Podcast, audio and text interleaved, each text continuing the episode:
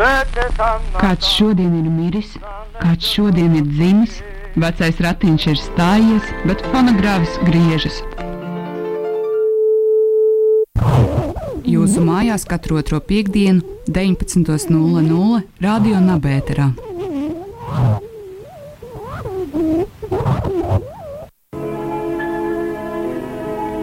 Я не провожу проповеди, я знаю, просто сейчас вы в таком состоянии, сейчас как магнитофоны.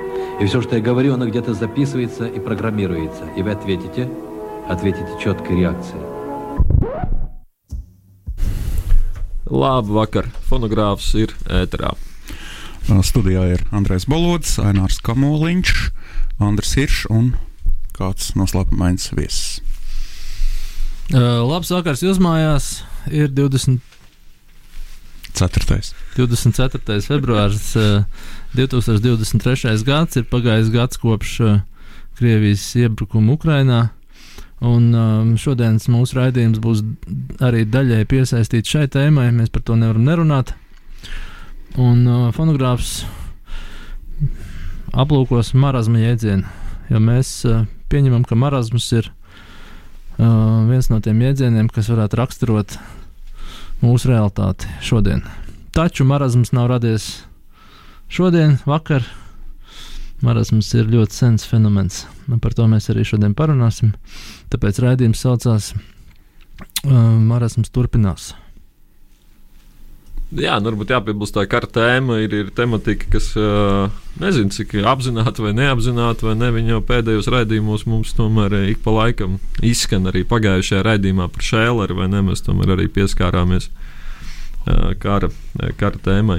Bet uh, vēl viena lieta, varbūt tās, kurētu piebilst attiecībā uz šodienas raidījumu, kas varbūt tās būs tāda īpatnēja perspektīva, ka mēs mazliet parunāsim arī droši vien par arhitektūru? Karš un arhitektūra garš un, un, un militārā joma un viņa saikne ar, ar dažādām arhitektūras manifestācijas formām vai kaut kā tam līdzīga. Mm, nu jā, tāpēc, ka ir pilsēta cilvēkiem, bet principā jau nu, var arī runāt par pilsētu karam. Vai nu, gatavojoties karam, veidot pilsētas īpašu arhitektūru. Jā, nu karš, protams, vienmēr ir bijis saistīts ar arhitektūru, uh, bet mums Latvijā ir diezgan daudz domātāju, kas mēģinājuši arī filozofiju saistīt ar arhitektūru. Nē, vārdā neminamais Taureņkungs. Un uh, vēl, uh, protams, arī ārpus uh, Latvijas robežām dažādi paši pāršķirstot, piemēram, uh, Kanta tīrā prāta kritika, viņam taču arī ir, vai ne? Tīrā prāta arhitektonika, jā, vesela daļa viņa lielajā kritikā, kas arī liecina par to, ka mūsu domāšana, mūsu sapratne organizē kaut kādi arhitektoniski principi. Jā, bet tas jau ir principā saistīts ar to, ka ļoti daudz domātāji uh, principā runā par tādu lietu kā par pamatiem, uz kā es būvēju savu sistēmu, savu domu, vai kaut kā tamlīdzīga. Nu, pat kaut kāds slavens piemērs ir Dekarts, kurš runā, ka nevajag uz tām smiltīm būvēt, ja to domāšanas pamatu. Tas, tas jau viņam ir tāds ne tāds kristietības kaut kāds tur. Nu, droši vien, ka tā ir atsauce uz jauno darību, tām nebūvēt smiltīm. Jā, jā, jā, jā, jā protams. Nu, un uh, arī mēs varam iedomāties filozofus, kas tiešā veidā nodarbojas ar arhitektūru. Tas pats Wittgensteins, kas patīk jau pieminētajam Taurinam, tā tālāk būvēs savu īpašu mājiņu Vīnē. Jā, un arhitektūra uh, iespējams parādās daudz metaforās, par kurām mēs pat uh, visticamāk nedomājam. Ne, un gal galā jau arī nu, ir skaidrs, ka filozofi lielāko daļu pavadīja iekštelpās, līdz ar to nu, viņa pārdoms ir tas, kur viņi īsti atrodas. Varbūt arī nu, noteiktā veidā noteikti veida kā būvē. Tad jau viņiem vajadzētu būt tādiem interjeristiem kaut kādiem. Pēc idejas jau viņi ir. Bet arī nevelti varētu kā mēbeļu filozofija. Viens interjerists mums šeit sēž. Jā, jā, nevelti ir mēbeļu filozofija. Ja nu skaidrs, ka nu, tas, ko filozofi redz, viņi neredz pamats, viņi redz mēbeles, krāstu un galdu parasti. Tāpēc arī piemēros viņiem tas arī bieži parādās. Savukārt jaunlaikos, kuros cilvēki vairāk pavadīja laiku ārtelpās, viņi arī spēja ieraudzīt to ēku kopumā. Līdz ar to, piemēram, 18. un 19. gadsimtā, tāpēc arī rod šī sistēma būvēšanas, ja viņi tā kā pavada, nu, izskatās no malas kā viss izbūvēt. Savukārt, kad cilvēki sāk pavadīt iekštelpās pārāk daudz šie filozofi, tad Nu, tā rodas tāda lieta kā analītiskā kā filozofija. Nu, tu vienkārši skaties, un tas, kas tev ir acis priekšā, to tur arī analizē. Redz to lielo kopainu. Tur arī, vai ne, kā Nīča vai, vai pirms tam Heraklēts, vai ne, tā kā kāpšana kalnos un tad jā. nodošanās filozofijā. Nu, ja jūs te pieminat liels domātājs, es arī atceros sev mīļu domātāju Sērenu Kirkegoru, kurš par Hēgelu izteicās, ka Hēgels būvē filozofiskas sistēmas, bet uh, pats dzīvo būdiņā. Nu, tā ir normāla filozofija būtība. Es pat teiktu, nevis būdiņā, bet istabā. Jā, bet uh, istaba ir iespējama tikai tāpēc, ka kāds ir uzbūvējis, vai ne? Ka šī istaba nesagāžās pie pirmā. Pie pirmā Labs pavadiens. jā, pie, Un es arī varētu teikt, ka ir kaut kāda korelācija. Kole, kore, korelācija. korelācija, korelācija. Tā teikt, jo lielāka sistēma, jo mazāk istabiņa. Jā, par to Jo mēs. domas plašums tā kā tev iziet ārpus šīm Jā, sienām. šīs lietas vieglāk. mēs pajautāsim. Es domāju, arī mūsu kolēģim, un arī ar arhitektam, uh, kurš mums arī var- varbūt ir domājis par uh, arhitektūras saistību ar domāšanu un esamību pasaulē. Bet tas viss notiks pēc muzikālas pauzes. Vienīgi atgādinājums, varbūt, ja kādam klausītājam ir uh, kas sakāms par arhitektūru, filozofiju, karu, Tad tālruņa numurs studijā 6722, 9986. Tvaika bidē, studijā viesis. Un atkal studijā ir viesis.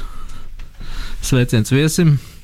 Kā ierasts mūsu, ierast, mūsu rubrikā Tvaika bidē, un pirmais tradicionālais jautājums arhitektam Helvijam Savickim. Uh, vai tu vēlētos atrasties uz Tvaika bidē? Viennozīmīgi. Uh, katrā Bet tu zini, kas ir Tvaika bidē?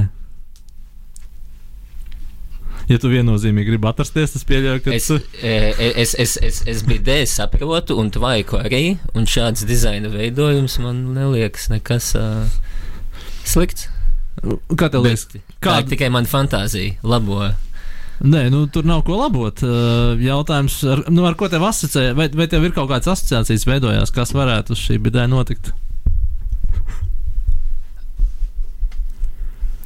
Katrā ziņā uh, ir jātīra uh, pēc toaletes apmeklējuma uh, sava pēcpuse. Uh, nu, jā, tad, uh, protams, tās ir 19. gadsimta tehnoloģijas, bet uh, tu, tu kā arhitekts saki, novērtē ja, šādu veidu. Jā, Nu, jāpiebilst, ka tur nav, tur jau nav tādas pareizās, nepareizās atbildes. Tā kā Andrejam tur nebija ko labot, tur mēs vienmēr to uzdodam. Atbildes ir bijušas atšķirīgas. Jā, vienkārši daži cilvēki, kas nezina, kas ir tvaika bidē. Un nezina arī atsevišķi tos objektus. Nezinu, tvaiku. Es nedomāju, ka tas ir kas uh, 19. gadsimta. Man ir sanācis pusgadu padzīvot uh, Japānā, kur to ar visādām pultīm var nokontrolēt un izmasēt kā vien vēlas, un siltumu, augstumu noregulēt, skaņu uzlikt. Uh, Es domāju, ka tie ir tādi veikmīgi tehnoloģija. Bet, ā, tad, Japāņi jau realizē. Es domāju, ka fonogrāfa viens no nākamajiem braucieniem varētu doties, būt, doties uz Japānu, jo mēs esam diezgan daudz arī par Japāņu toltēm. tieši tā, īstenībā, jā, mums bija. Jā, es, es atgādināšu, ka nu, par Japāņu tolotēm ļoti daudz interesējās Kristians Barons, kurš uh, gal galā par to ir rakstījis uh, ļoti plaši, tad, kad viņš nestrādāja pie dainām. Jā, bet tagad es nodošu atpakaļ pulti, ne, bet mikrofonu. Bet tajās Japāņu tolotēs, tur nu, tajā, taj- tajās bidē, tur nav ne opcija uzspiest, lai ā, tvaiks nāk ārā tieši. Um, ja es pareizi atminos, tad bija uh, strūklas intensitāte. Uh, strūklas intensitāte, ko var mainīt no spēcīgāka uz vājāku. Bet tas ir atkarīgs no tā, kurā toaletē, cik, cik uh, ekskluzīva vai uh, mazāk turīga ir šī te toalete. Tas ir atkarīgs. Jā. Jā, nu, kā, kā mēs redzam, uh, Helvijs nebūtu nav pārsteigts ne par šo jautājumu, ne par šo tehnoloģiju, ne par šīs tehnoloģijas liederību un iespējamo nākotnes izmantojumu. Jā, jo viņš bija Japānā. Uh, līdzīgi kā NSRD devās uz Ķīnu, mums jādodas uz Japānu pārbaudīt to lietas, bet atkal savukārt tas nebija īsti pārliecināts. Un strūkli nav gluži tomēr tvaiks arī. Ja mēs tā runājam, Nu, ūdens vai arī viņš tik ātri vienkārši tur Nē, nu kā es saprotu, no Helvija vēl tur viņi nav, nav aizdo, aizdomājušies līdz tai tvaika opcijai. Varbūt fonogrāfs varētu doties uz Japānu un piedāvāt arī šo uzlabojumu. Jā. Jo ūdens jau tas pats viens gan laiks ir. kā KFC atbalstīs mūsu braucienu uz Japānu, bet uh, mēģināt, mēģināt, protams, ka var. Jā, bet es domāju, pie Helvija un arhitektūras mēs vēl atgriezīsimies uh, raidījuma gaitā. Es domāju, šobrīd ir uh, brīdis no Japānas doties mazliet uz Austrumu Eiropu. Atgriezties atpakaļ uh, um, mūsu reģionā. Un, um, Solītais ieskars, ieskats kara tematikā. Jā, atgādināsim radio klausītājiem, ka fonogrāfs nebija spējīgs reaģēt, manuprāt, 22. gadā. Mm, Es apskatījos arhīvā, mums bija raidījums par Lutaslavski. Nu, kaut kādā ziņā, protams, tā arī ir reakcija uz, uz uh, karu, bet mēs reaģējām apmēram pēc mēneša. Un uh, mums bija raidījums, kas bija veltīts uh, uh, kara slepenajiem mērķiem. Jā, jo ļoti daudz dažādu analītiķu parādās un stāsta, ko tad, ko tad tur Krievija, Putins vēlās un kādi ir viņa mērķi. Un, tiek minēts zilēts kafijas biezumos, un dažādi draudi izskan un, līdz pat apakaliptiskiem notikumiem. Bet nu, līdz šim neviens zināmais eksperts šo versiju nav nopietni izskatījuši. Jā, nu, nav turpinājuši izskatīt, tāpēc ka mēs esam nopietni un mēs izskatījām.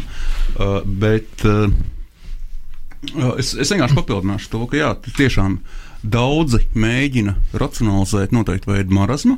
Mēs arī pakļāvāmies šai mūdei, un mēs mēģinām apskatīt kāru caur uh, to, ka varbūt tas patiesais mērķis varbūt ir uh, nedaudz teikt, apslēptāks. Proti, atbildi ir meklējuma kanta kauliņos. Jā, es domāju, mēs pat ne, ne tik daudz mēģinājām racionalizēt marazmu, bet marazmu izskaidrot caur, vēl- caur vēl lielāku marazmu, jā, caur vēl jā. lielāku marazmu. Bet, uh, nu, Man liekas, tā ir pareizā jā, stratēģija. turklāt tas neiet pretrunā ar aktuāliem ģeopolitiskiem notikumiem. Jā, Nē, tas spēj, nē, tas spēj piedāvāt vienkārši citu dimensiju šiem notikumiem. Jo, piemēram, ne visam ir jābūt uh, racionalizējumam kā ģeopolitikai. Jā, es domāju, ka mums arī vajadzētu mazliet uh, atgādināt radio klausītājiem šo stāstu par kanta kauliņiem. Uh, jā, arī Helvijas Maija galva viņš nav, nav, nav dzirdējis šo versiju. Par, Viņš bija Japānā. jā, par kas, uh, kas uz Bellī.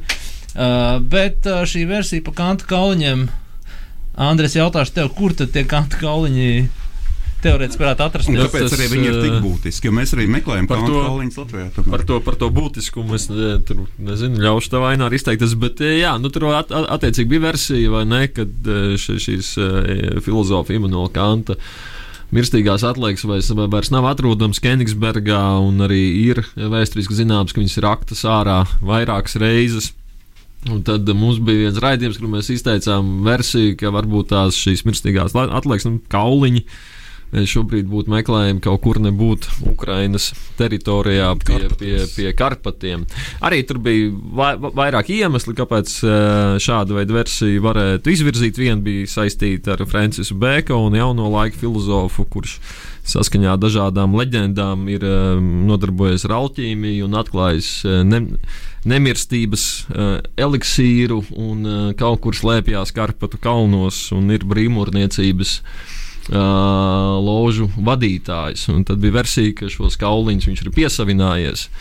Un līdz ar to viņi ir kaut kur nebūtu Karpatu kalnos. Nē, nu jā, nu, otra versija bija uh, saistībā ar Milleru kungu, kurš uh, uzskata, ka viņš ir pēctecis. pēctecis ja? Līdzīgi kā, piemēram, arī Kaupers, kurš tā uzskata angļu Wikipēdijas versijā un nevis latviešu. Uh, un tad uh, man liekas, ka mēs aplūkojam to versiju, ka uh, ir tomēr šī slepenā tāda uh, šī brālība, kas mēģina savākt kopā vismaz vienu kantu. Zin kā, Tur apakšstilba no viena kapa, tur kaut kas tamlīdzīgs, jo arī Latvijā kanta brāļa kaps ir pazudis vienkārši. Piemēram. Ko mēs arī mēģinājām meklēt. Un līdz ar to tad, uh, tas ir ļoti būtiski, ka, piemēram, uh, š, uh, Krievijas viens no galvenajiem mūsdienu filozofiem, Dugins, arī acīm redzot, vāc savu kantu kauliņus kopā, lai izveidotu savu kantu golēmu. Un viņš uzskata, ka jādodas uz Karpatiem. Jautājums par tiem mērķiem, jā, kāpēc teiksim, nu, šajā Krievijas uh, federācijā ir tā interese un, un par, par kā. Nu, lūk, Eliks, es saprotu, tas eliksīrs. Viena jā. versija, versija būtu, vai ne, teiksim, šis uh, esošais diktators arī vēlās iegūt nemirstības eliksīru, kā to savulaik ir izdarījis Francis Bekons. Tad uh, tas ir būt viens no iemesliem, kāpēc tie kauliņi ir nepieciešami. Nu, protams, mēs redzam arī šī versija toreiz, uh, pirms 11 mēnešiem, arī vairāk vai mazāk apstiprinājās ar notikumiem uz, uh, uz zemes, uz kartes. Mēs redzējām ļoti dīvaini tad Krievijas mēģinājumu caur Baltkrievijas teritoriju doties Ukrainā, kas um, pēc tam tika atzīts par nu, tādu pārsteidzīgu un uh, nepārdomātu, bet acīm redzot, viņi lika visu šo savu uh, resursu uz mēģinājumu sasniegt. Karpat kalns no tās puses. Turklāt, kas apliecina šobrīd situāciju, man varbūt vērīgākie politikas sekotāji pamanījuši, ka Piedņestras teritorijā, kas ir salīdzinoši netālu no Karpatiem, ir zināma aktivitāte. Es atļaušos kartē atzīmēt, kaut kur šeit, Piedņestra. Ja, kā mēs redzam, nu, tad nu, te nav tālu līdz, līdz Karpatiem. Jā, tā tad Andrejs tikko novilka tā teikt līniju no okupētās teritorijas līdz Karpatiem. Man gan liekas, tur diezgan liels vēl gabaliņš sanāk, ne, ja es tā skatos. Jā, li, gabaliņš ir liels, bet ja mēs Nu, skatāmies aptuveni 40 centimetri. 50, ja. Plus mīnus, jā. Jā, ja, bet ja mēs skatāmies nu, teiksim, no pārējām, pārējām opcijām, ja Krievijai nav daudz uh, iespēju atlicis, jā, ja viņi ir diezgan tālu atbīdīti no šīs, uh, šīs teritorijas. Es domāju, pēc tam kartē vajadzēs iezīmēt arī, manuprāt, interesanti ir šī Baidena vizīte Kijevā. Es domāju, Baidens arī. Uh, toreiz viņš, kā mēs redzam, bija kaut kur pie Polijas-Ukrainas robežas tajā laikā viesojās. Jā, savukārt Baķis gars bija virs Kievas, kā es redzu. Ja? Jā. Uh, jautājums, vai kaut kas noticis ar uh, kaimiņu valsts diktatoru, uh, es domāju, Lukašenko. Kādā Vai- ziņā noticis? Nu, vai ir viņam kaut kādas pārmaiņas par šo, par šo gadu? Vai viņš ir apgaismots? Jo tā viena versija bija, ka viņš tiek apgaismots. Ar ko? Un kas viņam gaismo? Nu, tas ir jautājums. Caur, caur melno kvadrātu. Jā, nu, melnais kvadrāts principā viss apgaismo, bet uh, nu, viņa gadījumā man liekas, ka Baķka. Uh, es teiktu, viņš ir uh, racionāls marzmātiķis, kas ir oksimorons kaut kādā veidā, bet uh, viss cienu viņam pagaidām. Jā, par marazmātiķu tipiem arī droši vien mēs varam runāt. Jā, mēs redzam daudz dažādus marazmātiķu tipus. Uh, un, Kas viss dodas uz karpatiem vai mēģina nokļūt karpatos? Ja mēs domājam par filozofiem, marazmātiķiem, vai Dugins, tavuprāt, ir marazmātiķis? Um, Manuprāt, ir. kāpēc? Nu, man šķiet, ka tās viņa izpausmes ir ļoti tādas. Uh, Nē, bet ir, uh, bet ir tomēr uh, nu, racionāls marazmātisms. Tā, tajā pašā nozīmē, kā piemēram ir racionāls uh, bullshits. Jā. Tajā nozīmē, ka tu zini, ka tu runā absolūts muļķības, bet uh, tava stratēģija ir pareiza. piemēram. Bet Dugins, bet, bet, Dugina, bet Dugina gadījumā tas ir jautājums, vai viņš, vai viņš zina, ka viņš runā muļķības, vai viņš. viņš, Jā, viņš jā tā ir, tā ir vienmēr problēma. Tas, ka, nu, uh, jo tas, kas atšķir marazmātiķu no ne, marazmātiķa, ir kaut kāda kritiskā distance starp idiotismu. Ja? Proti, ka uh, marazmātiķis tāds, kurš uh, absolūti dzīvo idiotismā, savukārt. Nu, Ne, marazmātiķis idiotismu izmanto stratēģiju. Tas būtu tas racionālais marazmātiķis. Jā, tas, tas ir racionālais marazmātiķis. Bet tad jau Dugins domā, ka viņš ir racionālais marazmātiķis. Uh, to ir grūti spriest, godīgi sakot. Jā. Jā, es piekrītu par, uh, par Baķu. Jā, viņš varētu būt tāds racionāls, jo viņš visu laiku izsver un domā, ko viņam darīt. Nu, jā, nu, savā- brīdī nu, mēģina pamatot. Robežās, jā, Jā, nu, bet, Kā teica uh, Wittgensteins, ja mans valodas robežs ir mans pasaules robežs, tad, uh, attiecīgi, tā kā viņam tā, vā- tā vārnīca ir relatīvi šaura, tad viņš arī tajās robežās dzīvo, bet viņš mēģina kā, nu, būt vismaz gramatiski pareizs šajās robežās. Un tad, attiecīgi, nu, dzīvo. Ja mēs mazliet paskatāmies vēsturē tālāk, vai ne? Jo nu, tas vārds, ar ko mēs raksturojam, ir marazms. Vai, tam, vai šim marazmam ir kaut kāda vēsturiska, vēsturisks plūdums? Kāpēc viņš šobrīd ir uzplaucis? Vai, es nezinu, vai tā var teikt Nē, tas ir vienkārši tas, nu, nes, neseno notikumu kontekstā mēs varam tā šķist, ka pieeši ir uzplauts marazms, bet, nu, es atvainojos, viss pagājušais gadsimts bija kārtīgs marazma laikmets. Jā, tas ir baigi atkarīgs no tā, kā mēs laikam, Ja mēs runājam politiskā kā, mēs, jā. kā mēs saprotam vai ne, to, to marazmu konceptu. Ja teiksim, mēs skatāmies, kā mēs skārt uh, topošās grāmatiņas priekšvārdā rakstīts, kur mēs mēģinām mazliet raksturot marazmu. Uh, ģenealoģija, tad ir tā versija, vai ne, kur mēs definējam marazmu kā noteikta veida ideoloģisku sistēmu vai ideoloģiskas sistēmas, uh, kas ir uh, šķietami uh, ļoti racionāls un pārdomāts, bet uh, neatbilst vairāk kaut kādām reālajām viņpus šīs sistēmas. Un tādā, protams, variantā mēs varētu interpretēt dažādas šīs ideoloģijas 20. gadsimtā, kā tu minēji, kā, kā izteikti marazmātiskas. Jā, un es arī pieņemu, ka tas saistīts arī tādā plašākā nozīmē. Tas, ka, nu, ā, piemēram, tas laiks dzīvo tādā normālā, ā, ņūtoniskā sistēmā, ja ābols krīt, ir trīs dimensijas, viss kārtībā, laiks tek uz priekšu. ā, Tā no dvīņa kaut kāda, un tad piepieši atnāk kaut kāds, ja tur Einsteins. Paziņo, ka tāds gluži nav, ka patiesībā ir citādāk, un tad ā, nu, tāds racionāls ņūtonists apjūka.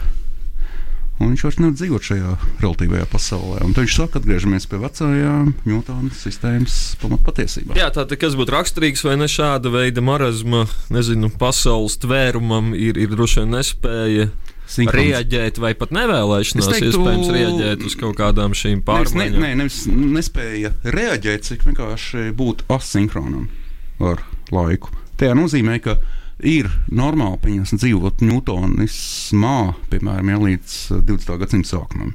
Tas ir normāli, tas ir racionāli, tas ir no tā pasaule ir. Bet tiklīdz vienkārši turpina dzīvot šajā ņūtonismā, tas vienkārši asinhrons un vienā punktā nu, kļūst nedaudz tāds marzmātisks. Un līdz ar to, piemēram, tu šauj tā teikt Lopātīnu vai ko tur ā, ā, kosmosā. Saskaņā ar Ņūtonu. Un tad pieeši nevar saprast, kāpēc viens noveco, otrs paliek jauns. Ja, un tā līdzīgi. Kāpēc. Jā, bet izmēģināt šitam uzstādījumam, tur baigās metafiziskās implikācijas. Ne? Nu, ja mēs teiksim, nu, sakām, ir uh, metafizisks. Es, es, Nē, liekas, nē, es biju domājis tādā ziņā, ka, ja mēs varam izvērtēt marazmu kā ideoloģiski noslēgtu sistēmu, kas neatbilst kaut kādām reālajām ārpus šīs Nu, sistēmas, Andri- tad mēs, tad mēs implicējam, ka ir kaut kāda nu, tomēr šī patiesā realitāte, un tad ir šī ideoloģiskā sistēma. es pat teiktu tā, Tur ka- ir diezgan, tāda, man liekas, tur ir diezgan komplicēta. Jā, jā, jā, jā, bet es, es vienkārši domāju, es vienkārši no citu domātāju pozīcijām. Tātad uh, es pieļauju, ka Andri to pietiekami labi zina. Uh, ņu, uh, nevis Ņūtona, bet uh, Leibnicis. Tātad, proti, ir viss monētas vienāds šajā harmonijā, dieva izveidotajā. Un tad ir domājis, ka šajā harmonijā ir šīs marzmātiskās monētas. Uh, It kā ir šī lielā harmonija, pasaule tā kā nu, nosinās priekšā, bet šīs monētas vienkārši tā kā, nu, netver lauku. tā Teikt, ja. Viņas tā kā, nu, kā ats- atspoguļo pasauli, bet reizē netver lauku. Par to jau arī īstenībā Lemts diezgan daudz raksta. Nu. Kad nu, tev ir tā perspektīva. Bet tā kā nav tik vienkārši, un ne- neviena monēta jau netver lauku šajā absolūtajā Jā. nozīmē, vai ne? Bet ir vienkārši ir monētas, kas tver lauku tajā nozīmē, ka viņām ir apercepcija, protams, kaut kādā veidā uh, spēj argumentēt par savu pozīciju, par savu perspektīvu. Un tā ir tā problēma šo Leibniz perspektīvas, un tas, ka ne jau tas, ka katra perspektīva ir patiesa. Cik katra perspektīva atspoguļo daļu no pasaules. Un marzmātiķis arī atspoguļo daļu no šīs pasaules, bet, diemžēl, tādā nu, perversā spogulē. Nu. Jā, Aņēr, es varbūt jūsu diskusiju norizumēšu uz dažiem punktiem. Es neesmu drošs, vai es ā, sapratu pareizi. Bet, ā, pirmkārt, man šķiet, Andri, ka marazms nav sistēma. Jo sistēma pieprasa zinām kārtību, un marazms ir tāda Tas ir attieksme. Ka, kaut kādā ziņā, jā. Bet, um, proti, viena lieta, kas man jānāk prātā arī klausoties jūs, ka mēs esam dzīvojuši marazmā, un pēkšņi mēs tā kā. Mēs pēkšņi sapratām, ka mēs esam marazmā. Jo visu laiku mēs ne, to neapzināmies. Un man liekas, ka tā ir ļoti tipiska šī marazmātiķa iezīme. Proti, viņš neapzinās, ka viņš ir. Viņš ir Viņš nesaprot, viņš ir neadekvāts, viņš nepareizi atspoguļo pasauli. Ne? Kaut kā Jā. šīs monētas salikās, un pēkšņi mēs to apzināmies. Vai tas, ir tā kāds, vai tas, ir, vai tas būs īsas apskaidrības brīdis, vai iemesls kaut kam tālākam? vēl nedaudz papildināšu tajā nozīmē, ka, uh, piemēram, kad mēs runājam par uh, to pašu kara racionalizāciju, tad mēs vienkārši sakām, ka šim karam ir kaut kāds iemesls, kuru mēs varam tā nu, skaidri izskaidrot. T taču otrs variants būtu, ka, uh, kad mēs meklējam šo pamatu kaut kādiem lēmumiem, mēs pieprasām nokļūstam tas, ka pamats ir marazms. Un kad uh, tas nav kaut kāds racionāls lēmums vai kaut kas tamlīdzīgs, ka to pat nav, vēr, nu, to pat nav vērts vienkārši racionalizēt tas ir tādā eksistenciāls franču noskaņās, kad mēs eh, vēlamies. Nē, jā, vai ne, ka mēs mēģinām um, kā tvērt esamību, kā racionāli konstruēt, bet tā problēma ir tāda, ka viņi gluži vienkārši tāda nav. Jā, bet jautājums ir par ģeopolitiskajām konsekvencēm. Nu, Proti, ja mēs atzīstam šo tavu tēzi par to, ka karam nav pamata, kara pamats ir marazms, jautājums, kā būvēt. Tā bija hipotēze. Nu, pieņems, jā, labi, hipotēze, bet man šeit diezgan ticam. Un uh, jautājums, kā reaģēt uz šo, un kādas ir ģeopolitiskās uh, sekas? Ne? Kā var cīnīties kolektīvi ar marazmu, vai, vai uh, ja šī pamata nav, ja šī iemesla nav? Uh, Es domāju, līdzīgi kā mediķi to dara, ka viņi saprot, ka nu, marazms uh, nepāries, tu vienīgi tur rūpējies uh, par kaut kādu šo reģionu, nezinu, miesas vai geogrāfisko tik ilgi, kamēr tas vienkārši nu, pazūd pats no sevis. Vienkārši tas nav ārstējums. Radio monētoloģija, 84. paragrāfs.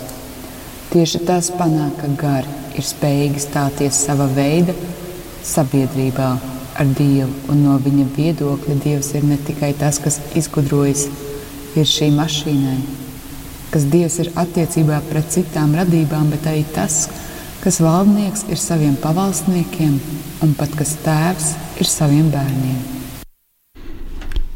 Fojē iekāpa savā mašīnā un domāja, kas viņš ir attiecībā par to. Vai viņš ir tēvs vai dievs. Tad viņš iebrauca kokā un saprata, ka viņš nekontrolē neko.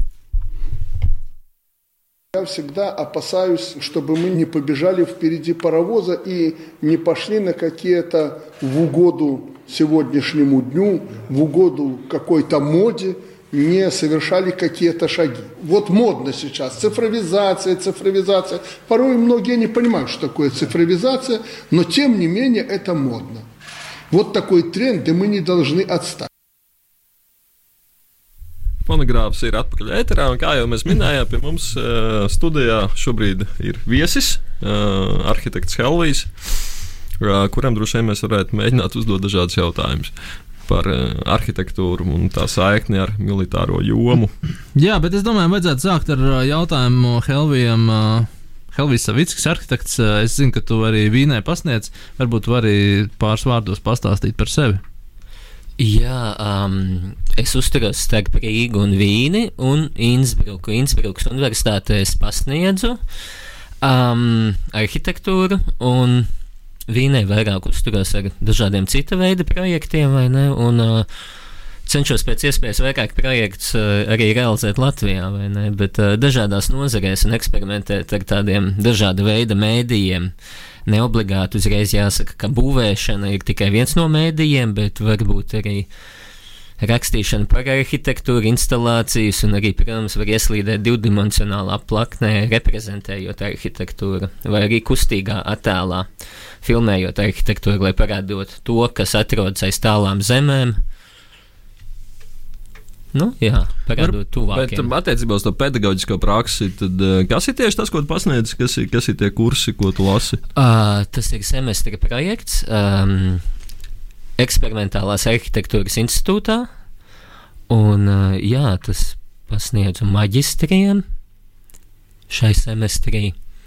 Jā, principā tā ir eksperimentālā arhitektūra, kas ir, ko mēs veidojam kopā no nulles. Gan konceptu, gan jaunas formas meklējums, un arī, protams, Ja varbūt var minēt kādu piemēru, nu, ko, ko, ko jūs esat kopā uztaisījuši. Varbūt kāds labs piemērs. Um, katrā ziņā um,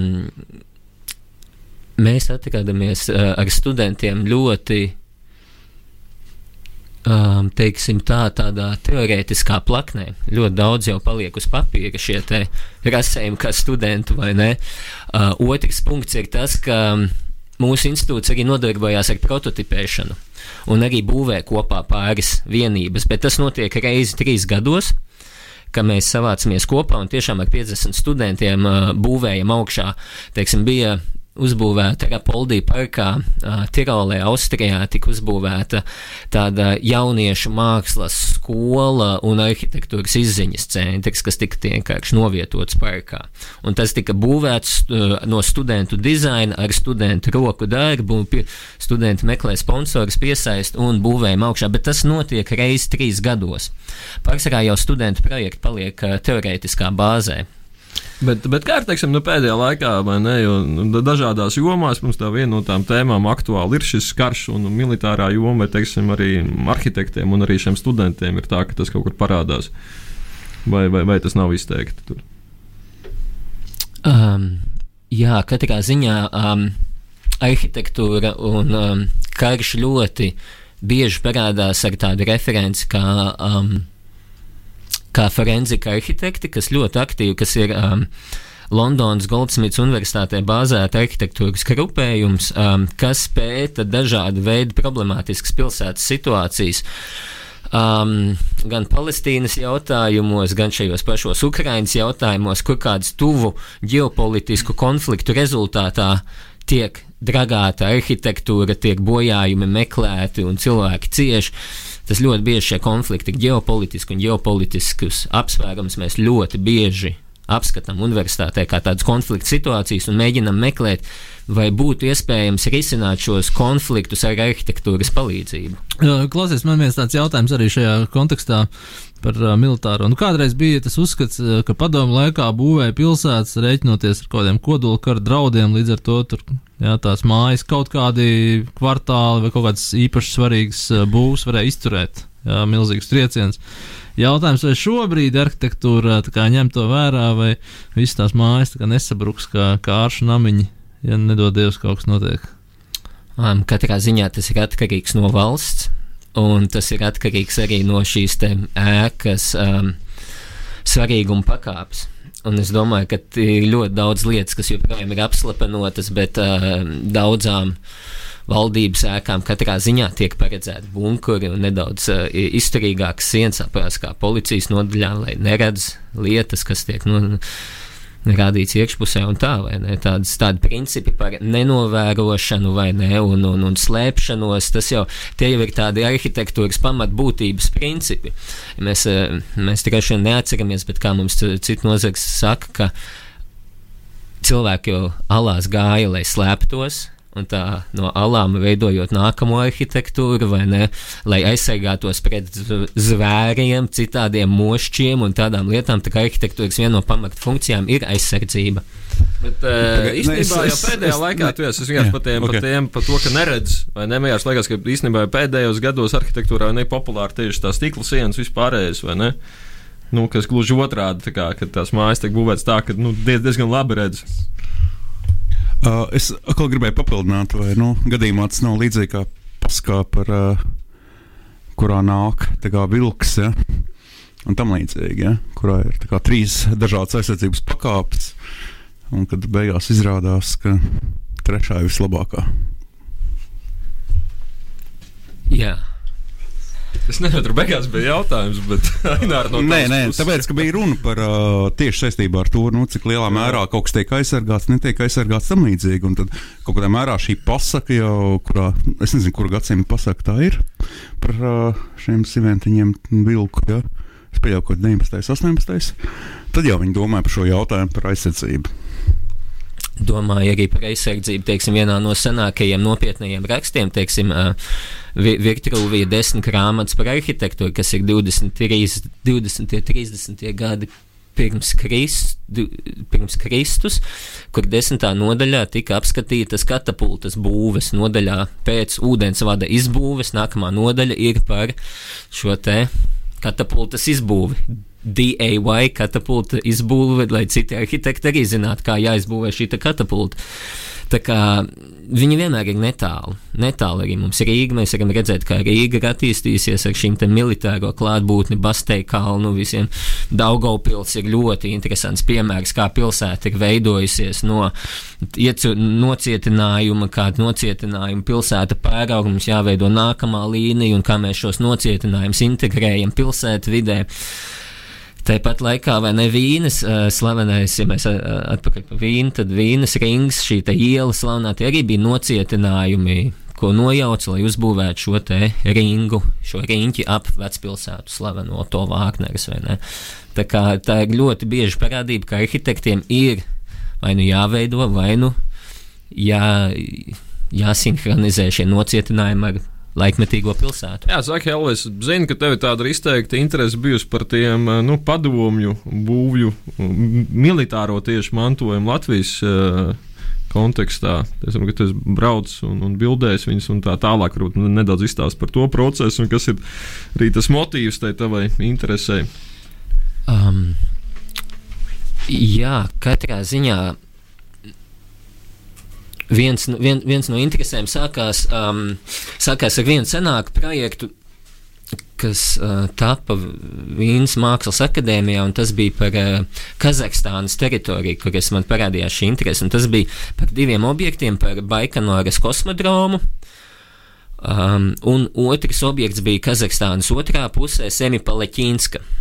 Un tie bija tādi divi objekti, par ko ne visi daudzi cilvēki zina. Teiksim, ka ne tikai no Baikanoras tika uzlidināts Gagārins augšā un daudz citi satelīti, bet ka no Baikanoras un Gagārins nav satelīts, bet pieņemsim, ka Gagārins varētu būt arī satelīts. Tehniski viņš ir. Bet es pieļauju, varbūt arī citi satelīti, varbūt arī mūsu draugi. Lapātinkungs, piemēram, arī iespējams ir no Baikanoras lidojis. Nu, satelīts ir kaut kas tāds, kas tev ir blakus. Arī tavs sieva vīrs vai kas, kas no kurām klausītājiem ir, tas ir satelīts viņam. Bet parasti galvenais ir orbitēt apkārt. Nu, satelīts tas ir tāda pazeminoša nozīme. Restīvi, tu esi galvenais un tev ir satelīts. Ja atkarīgs no masas, kurš ir asnāks, tas ir uh, centrālais un tievākais ir satelīts. Varbūt intelektuālais satelīts. Bet taču visu laiku notiek. Jā, bet iesim atpakaļ pie Baikonūras un Semipalatīnskas. Paldies par labojumu. Jā. Un no Baikonūras tika izlidināts arī kodola galviņas, kas ietriecās šajā pašā valstī, otrā pusē, Semipalatīnskā. Un šī teritorija ir šī te nulles zeme vai ground zero, kā mēs angliski pazīstam. Tā bija Padomju Savienības ground zero, pa ko augot uh, Latvijā, brīvā zemē, es nekad nebiju dzirdējis. Es vienmēr biju dzirdējis par šo amerikāņu Crown Zero nevadas štatos. Un, Viņiem taču bija Novai Zemļā, vēl, vēl vis kaut kur bija. Bija vairāk, bet šis bija vislielākais. Šis bija vislielākais un visnopietnākais. Jā, tas tika... ir arī kontinentā. Novai Zemļā ir sala vai nē, es pieļauju, ka tur kontinentā tas ir īpaši tāds. Jā, un pēc šī projekta tā mēs radījām tādu dviņu struktūru, kas uh, atrodas Baikonurā un arī šajā pašā semipaleķīnskā divas struktūras arhitektoniskas. Um, kas komunicē viena ar otru, un šī ģeopolitiskie konflikti un eksperimenti tiek kaut kādā veidā turpināti mūsu kolektīvajai pēctecībai, apziņai vai tādā garā arhitektonisku telpu. Un šis, te, um, šis bija pirmsākums šiem meklējumiem. Un, uh, un Bet, klausies, es mazliet precizēšu. Nu, man nav tā, ka tur vienkārši ir kaut kāds vienkārši līdzena zeme vai nu, lauks, jā, tajā semipalatīnskā, nu, kur kā, tur kaut kāda arhitektūra ir, vai kas tur ir? Jā. Kas ir, tur, kas ir tas arhitektoniskais tajā, tajā, tajā vietā? Jā, tieši, tieši tur uz tiem um, arhitektoniskiem met. Uh, dzelzbetona izvirzījumiem ir ļoti daudz vairāk šie izvirzījumi, kas ir praktiski tika pētīti materiālu uh, uh, izturība uz uh, kodola sprādzienu. Tieši tā, un, un, un šie te uh, betona veidojumi, viņas, viņi paliks vēl ilgu laiku, vai ne? Viņi bija tik ļoti izbetonēti, pētījumi notika, bet šīs betona konstrukcijas palika semipalaņķīnskā. Un, jā, un tieši par to, kas paliek un kas nepaliek no šīm te pēctecībām un vēstures, tas arī vilku uzreiz interesi uz Latviju, kur es pats atklāju, ka netālu no ciema, kurā es uzturējos bērnības vasarās, ir kodola raķešu bāze mežgara ciema vai ne. Un tad, turpinot šo skatu, tika atklāts vēl vairākas, un, un, un tik žēl, ka daudzas no viņām ir sāktas nojaukt un ir jau nojauktas, vai ne? Teiksim, um, Jā, tie ir eh, Kāds būtu tavs piedāvājums? Viņas kārs viņas droši vien nojaust, tāpēc, ka viņas ir bīstamas, un cilvēki lēn iekšā, viņas lēnām brūk. Teiksim, tavā kā arhitekta uh, skatījumā, kas tad ar viņām būtu jādara? Tā kā kaut kā jāmēģina iekonservēt, vai jāmēģina kaut kā viņas izmantot, un kaut kas cits jābūvē. Vai... Nē, katrā ziņā viņas būtu jāparāda plašākai sabiedrībai, vai arī e, jāmēģina ve ve veidot tāds kā militārais turisms, runājot par šo pašu Kijevu. Černobiļa ir viens no skatītākajiem objektiem, un šis te radars, kas atrodas blakus Duga, viens no Duga radariem, tas ir viens no galvenajiem Kijevas um, turisma objektiem. Un tieši tāpēc es varētu iedomāties, ka šīs te raķešu bāzes turpinātu kā tādi lietiskie pierādījumi nākotnē, um, kas izglītotu un redzētu, kāda marazma vēstures fakti, arhitektoniski veidojumi ir not, nolikti mūsu valstī. Uh, ja es drīkstētu pajautāt, uh, kas tavuprāt ir marazmātiska arhitektūra? Jā.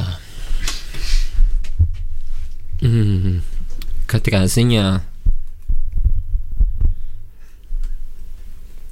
ļoti, ļoti, ļoti, ļoti grūti nodefinējams punkts, ne, kas ir tagad. Nē, nu, varētu būt racionāla arhitektūra vai estētiska, skaista arhitektūra, un varētu būt kaut kāda, es nezinu, pilnīgi. Uh, re, reaktīva vai nē, nu, vienkārši nē, varbūt slikta arhitektūra. Bet, es domāju, tas, ka, piemēram, tā tad ir, pieņemsim, mēs varam iedomāties, ka arhitektūra ir racionāla, pieņemsim, tajā militārajā nozīmē, bet kas militārajā nozīmē varētu būt marzmātiska? Es domāju, ka uzbūvēta arhitektūra varētu būt marizmātiska, bet uh, arī marizmātiska arhitektūra varētu būt saglabāta. Vajadzētu būt saglabātai marizmātiskai arhitektūrai. Katrā ziņā rīcība nojaukt arhitektūru. Tā ir marizmātiska. Um, rīcība nesaglabāt tādas liecības, teiksim. Protams, ka ir pāris, tas, tas neatiecās uz visiem piemēriem, bet pa, pa, pa lielām līnijām marizmātiska var būt reakcija uz arhitektūru. Protams, arhitektūra pat pēc būtības var būt marizmātiska, bet, teiksim, manā es varētu arī pateikt, ka uh, Gīzes piramīdas ir viens marizmātisks veidojums, vai ne?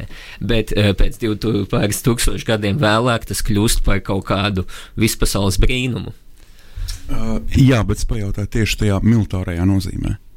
Jo nu, mēs piemēram varam teikt, jā, ka racionāli ir piemēram uztaisīt biezāku sienas vai kaut kas tamlīdzīgs. Bet... Nē, nu šahtas, nu, tas viss ir racionāli. Tur vajag glabāt raķetes zem zemes, un tā, tas viss ir racionāli. Šobrīd tas mums liekas marazmātiski, tas atgādina par to periodu, ne, kurā nu, cilvēki pieņēma kaut kādas lēmumus, kas īstenībā viņi zināja, ka tas nenotiks. Ne? Viņi būvēja tās šahtas, viņi saprata, ka, nu, ja tas notiks, tad tas būs bezjēdzīgi tāpat. Bet, uh, Es nezinu par to militāro marazmātismu. Labi, tad uh, vēl viens jautājums. Uh, kura ir tava mīļākā marazmātiskā arhitektūra, arhitektoniskais veidojums? Tu tā kā domā, kāds piemērs, ja, kas jā, ir nu, piemēram, nu, nē, nu, kur tu ieteikt aizbraukt? Pasaulē un Latvijā. Kur tu ieteikt aizbraukt mums kā raidījumam un arī, protams, mūsu klausītājiem vispār tajā, tajā militārajā turismā, ko tu teici, varbūt kaut kas tāds labs, interesants. Tur iedomāties. Hmm. Jā, es katrā ziņā tā tuvāk Rīgai es ieteiktu apceļot šīs trīs raķešu bāzes, vai ne, kas ir apkārt Rīgas teritorijai. Rīgas raķešu bāzes. Rīgas raķešu bāzes lokus, tas tā ir slinkāk, kur vēl ar sabiedrisko transportu var aizbraukt līdz Mārupē, līdz Mežkarciemam, vai ne, un tur vēl Juglā var apskatīt pāris piemērus, kas būtu tādi vēsturiskie. Tas būtu tāds tuvākā ekskursija, tālāk ekskursija būtu pa perimetru. Um, Protams, uz šo pašu Kazahstānu aizceļot, apskatīt, kas, ka, kas, kas ir tā padomju savienības nulles zeme, kas ir tas pārpalikums. Vai tu tur esi bijis pats, jā, vai, vai, vai uh, Diemžēl nē, diemžēl nē. Tas, uh, diemžēl es vēl tur neesmu bijis, bet uh, arhitektiem ir tāda. Um, lieta, ka mēs ļoti izmantojam tehnoloģijas, uh, lai skatītos no augšas. Tas ir tāds arī viens tāds marizmātisks punkts, uh, kas piemīt pāris marizmātiķiem, ka arhitekts skatās no augšas daudz lietas un secina. Tas tā. Um, um, jā. Vēl viens jautājums, kas, ja es domāju, te kaut kad minēju, man šķiet, ka ir arī kaut kādi objekti, no militārās arhitektūras nosacījumiem, kas ir palikuši Latvijas teritorijā, bet kur īsti nav plaši zināmi. Tur arī kaut ko minēja, ka ir tāds Facebook grupas, kur ir noteikts bildes, bet tu nevari īsti, kur viņi tā kā neizpauž, kur šie objekti atrodas. Jā, pastāv. Un, un tāpēc man arī nav tik daudz komentāru par daudziem. Es sekoju līdzi, un, un tiek publicēti visādi attēli, un es rakstu cilvēkiem, sveicināt, vai es varētu apmeklēt. Un, un es ļoti labprāt noskanētu šos objektus um, ar šiem skeneriem.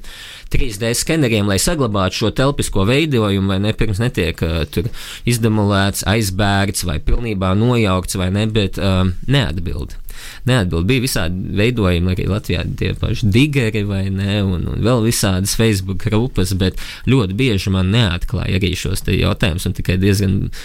Var redzēt, ka dzirdēt, ka televīzijā tiek nojaukta tirzas raķešu bāze, tiek nojaukts vēl šis tas, un nav paspēts viss ieskanēts, bet pamazām es ieskanēju šīs vietas Latvijā. À, bet varat pastāstīt, kāpēc viņi nu, negrib to teikt? Ka viņiem ir kā, nu, kaut kāds fetišs vai uh, viņi jūtas kā, nu, teiksim, labāk, tāpēc, ka viņi zina un tu nezini. Arī beigās baudne. Grūti teikt. Grūti teikt. Nē, zinu, ar pētniekiem jau tā var būt. Tā kā te iedomājas, kas tur ka arhīvā kaut ko tā atrod. Tā ir tava bāze. Tā ir tava bāze. Nē, nesaprotu, nē, nesaprotu, nē, tāpēc es teicu, tas ir fetišs. Tā ir mana bāze, zinu, kur tas ir. Es eju un izbaudu. Bet, tu kaut arhīvā atrod. Pētnieks savu. Kanta vēstuli, tur Latvijas nacionālā jā. At, tāpēc, arī neteikt. Nē, tāpēc, ka pēc tam ir kaut kāds racionāls variants, kurā, nu, pieņemsim, es nu, publicēšu kaut ko, ja? un, un tā tālāk, tā, es to padarīšu visiem zinām. Savukārt šeit izskatās, ka fetišisms ir tāds, tas ir mans, tas ir mans, kamēr to nojauc. Jā, tā, tā, tā izskatās. Tā izskatās. Grūti teikt. Grūti komentēt. Es nezinu, tāds militārais, militāro nezinu, tur atliek fetišisms. Ja. Kaut kā intuitīvi cilvēciski to var saprast, nu, ka tas tā varētu būt. Jā. Ne, nu, li... Kad, kad ko atklāji, tad tu nestāsti nevienam, jo tu esi ieguldījis darbu, lai to atklātu un kaut kā ne. Ja tu to izmanto, lai pēc tam darītu publiski. Tas, to saprotu, ir racionāli. Nu, kādu laiku, zināmā mērā, paturēt pie sevis. Tur nav vaina ar tādu racionālu elementu. Es domāju, varbūt tiešām, ka tu ieguldi daudz darba, lai kaut ko atklātu. No, tā ir tā slepenā vietiņa. Jā. Varbūt tā ir slepenā vietiņa. Nu, tas ir fetišs. Zikā, nu, oh, tu, es atradu savu slepenā vietiņu. Uh, manuprāt, šajā kontekstā Līgas bunkurs ir lielisks piemērs, kā to pār, pārveidot par šo militāro turismu, ne, un, un, un aicināt cilvēkus uh, apmeklēt un skatīties un uh, izbaudīt, uh, ko, ko var nozīmēt marizmātiskas rīcības x stundā. Bet, uh, Helvija, mums jau tuvojās intervijas laiks uh, beigām. Bet tavs mērķis ir eh, kā, dokumentēt šos visus objektus, uh, tu teici, ieskanēt, uztaisīt 3D attēlus. Tev ir kaut kāda tālāk, tālāk iecerē, ko darīt ar šiem, šiem attēliem, un kā tu viņus pētīsi, vai analizēsi, vai, vai nu, ko viņi tev sniegs, vai ko domā darīt ar to visu. Um, Varbūt negribu izpaust tādas uh, plānas. Nē, man nav bet, tādi fetiši, vai ne? Tā, uh, es ar visiem dalītos, ja kādam šie faili ir nepieciešami, es ar viņiem uzreiz dalītos, ja kādam arhīvētājam vai muzejam tādi ir nepieciešami. Uh, ir jāsaprot lietas arī, um, kā, šie, un, kā šie objekti savā starpā veidoja tās komunikācijas, kādas infrastruktūras tika uzbūvētas Latvijā. Teiksim, tas ir ļoti um, neizpētīts lauciņš, manuprāt, ir no tāda arhitektoniskā skatu punkta. Um, Elīnai Lībietē bija fantastisks maģistra darbs par šo tematu. Um, tā kā es ceru, ka vēl vairāk cilvēki pētīs. Ah, maģistra darbā bija par. Uh, maģistra darbs ir par, uh, bija par uh, militāro vienību pārizmantošana Latvijas teritorijā, bet ļoti daudz tika arī apskatīts Liepājas, Karosas teritorija un vairākas liela mēroga teritorijas. Mm, tomēr arī mazās vienības, šīs slepenās struktūras mums vajadzētu apzināt, apskatīt un neiznīcināt. Man katrā ziņā liekas ļoti interesanti jā, šis stāsts, ka teiksim, tādi teiksim, arhitektoniski veidojumi, objekti turklāt sen pamesti ne, kur glabā kaut kādas vēl pagātnes liecības, viņi jau komunicē savā starpā. Un, un tad, kad tu kā arhitekts vai pētnieks ne, aplūko tos un tu ieraugi to komunikāciju un tas kaut kādā veidā atklāja kaut kādas slepenas zināšanas vai kaut ko tu ieraugi tajā esamības uh, dziļākajā slānī. Labi, un šķiet jau, ka tiešām mums tuvojās, tuvojās brīdis atvadīties no, no klausītājiem. Jā, paldies, Helvija, ka ieradies. Un paldies! Uh, es domāju, ka mēs uh, esamības dziļākajos slāņos ielūkosimies arī nākamajā raidījumā, uh, kad mēs atskatīsimies uz mūsu vizīti Kandavā. Kabilē. Kabilē. Pavisam, jā, ne, pavisam nesen, vai ne? Mēs bijām Kabilē, ko mēs tur darījām. Tā, un, un ciemojāmies. Pavadījām, mēs bijām tava pavadošā grupa. grupa, grupa jā, svīta. Galms. Es pavadīju mūsu kolēģi, jaunāko kolēģi Andru Hiršu, kurš devās triumfa gājienā. Pa Kabilu. Kabilas ziņā tas bija lielisks pasākums, un uh, par to mēs arī parunāsim. Un parunāsim par, uh, un tagad dodam vārdu Helvijam, kurš uh, arī novēlēs kaut ko mūsu klausītājiem. Jā, es vēlētos novēlēt uh, Ukraiņu tautai, esiet stipri, uh, uzvariet viņus, mēs jums palīdzēsim. Slavā, herojam! Slavu Ukraiņu! Gerojam slava!